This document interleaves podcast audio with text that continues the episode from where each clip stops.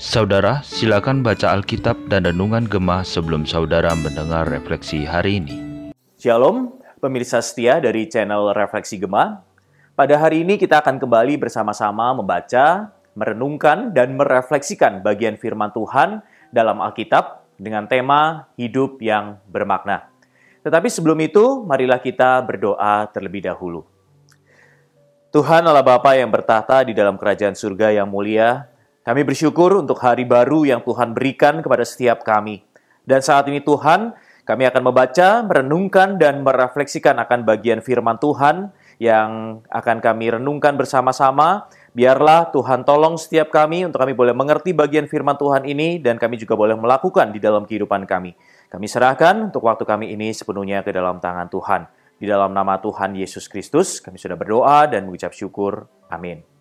Saat ini, Bacaan kita diambil dari Pengkhotbah pasal 12 ayat yang ke-9 sampai 14. Saya akan membacakannya untuk kita semua. Demikian bunyi firman Tuhan.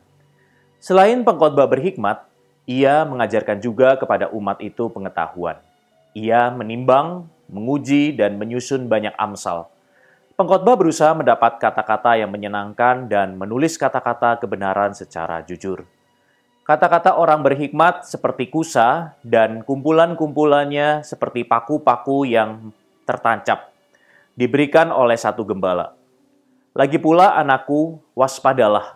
Membuat banyak buku tak akan ada akhirnya dan banyak belajar melelahkan badan. Akhir kata dari segala yang didengar ialah takutlah akan Allah dan berpeganglah pada perintah-perintahnya.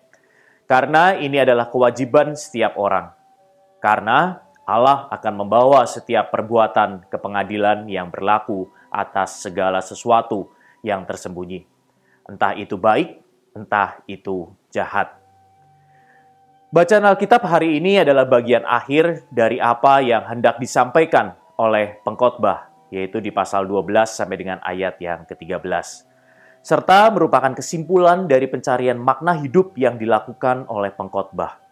Di sini sang pengkhotbah menempatkan diri sebagai orang ketiga.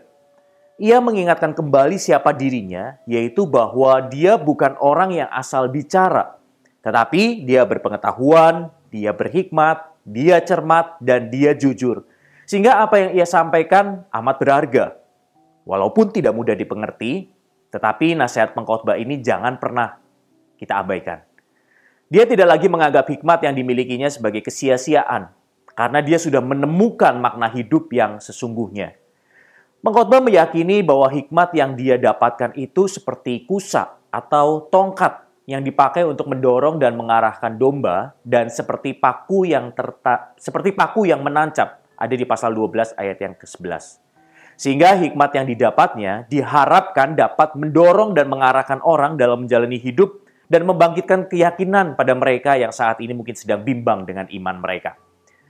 Pengkhotbah menyimpulkan bahwa sesungguhnya hidup yang bermakna adalah hidup dengan sikap takut akan Allah serta berpegang pada perintah-perintahnya. Bapak Ibu bisa membaca di pasal 12 ayatnya yang ke-13. Saat ini ketika kita membaca Alkitab dan mengikuti renungan gemba, merupakan langkah yang baik untuk mengenal Allah dan perintah-perintahnya. Namun pertanyaannya adalah, apakah pembacaan Alkitab buat Bapak Ibu saat ini hanya sekedar untuk menambah pengetahuan? Pengkhotbah mengingatkan bahwa bila Alkitab tidak menjadi pegangan hidup, pembacaan Alkitab hanya akan melelahkan badan. Bapak Ibu bisa membaca di ayat 12 sampai dengan 13 dan itu semua akan menjadi kesia-siaan. Pembacaan firman Tuhan harus dilakukan dengan hati yang takut akan Allah serta didorong oleh kerinduan untuk melakukan kehendaknya. Agar kita terus berubah menuju, kerusu, menuju keserupaan dengan Kristus. Bapak Ibu terkasih di dalam Tuhan, dengan demikian pengetahuan, hikmat, pekerjaan, jabatan, kesuksesan, ibadah, kekayaan, dan nama baik bukanlah sesuatu kesia-siaan. Sebaliknya, hal-hal itu akan menjadi sarana untuk memuliakan Allah dan untuk menikmati kemuliaannya, serta berdampak pada jalannya pengadilan Allah. Pada akhirnya, kita akan menemukan kebahagiaan yang sesungguhnya. Sebab segala sesuatu adalah dari dia, dan oleh dia, dan kepada dia bagi dialah kemuliaan sampai selama-lamanya. Amin. Sekarang pertanyaannya, bagaimana dengan kehidupan Bapak Ibu Saudara sekalian? Apakah Anda sudah mengikuti jejak pengkhotbah yang sudah menemukan makna hidupnya? Biarlah firman Tuhan hari ini mengingatkan kita semua supaya setiap hal yang kita lakukan dalam hidup dilandasi takut akan Tuhan, sehingga seluruh bagian hidup kita bisa menjadi bermakna dan bisa menjadi berkat bagi orang-orang di sekitar kita. Mari kita tundukkan kepala, kita berdoa. Tuhan, kami bersyukur untuk firman Tuhan yang mengingatkan kami bahwa hidup kami seharusnya dalam menjadi hidup yang takut akan Allah. Sehingga segala sesuatu yang kami kerjakan ketika kami melakukannya di hadapan Allah dengan takut akan Allah, segala sesuatu yang kami kerjakan akan menjadi satu hal yang menjadi berkat bagi orang-orang di sekitar kami. Akan membuat hidup kami menjadi bermakna. Tuhan tolong setiap kami supaya kami terus diingatkan akan firman Tuhan ini, sehingga hidup kami bisa menjadi hidup yang lebih bermakna dan bisa menjadi berkat bagi orang-orang di sekitar kami. Termasuk ketika kami mendengarkan akan firman Tuhan pada hari ini. Biarlah ini boleh menjadi berkat, bukan hanya untuk diri kami, tetapi bagi orang di sekitar kami. Terima kasih Tuhan, kami mau serahkan untuk hari ini sepenuhnya ke dalam tangan Tuhan. Biarlah Tuhan yang terus memimpin dan Tuhan yang terus dipermuliakan di dalam hidup kami. Di dalam nama Tuhan Yesus Kristus kami sudah berdoa dan mengucap syukur. Amin.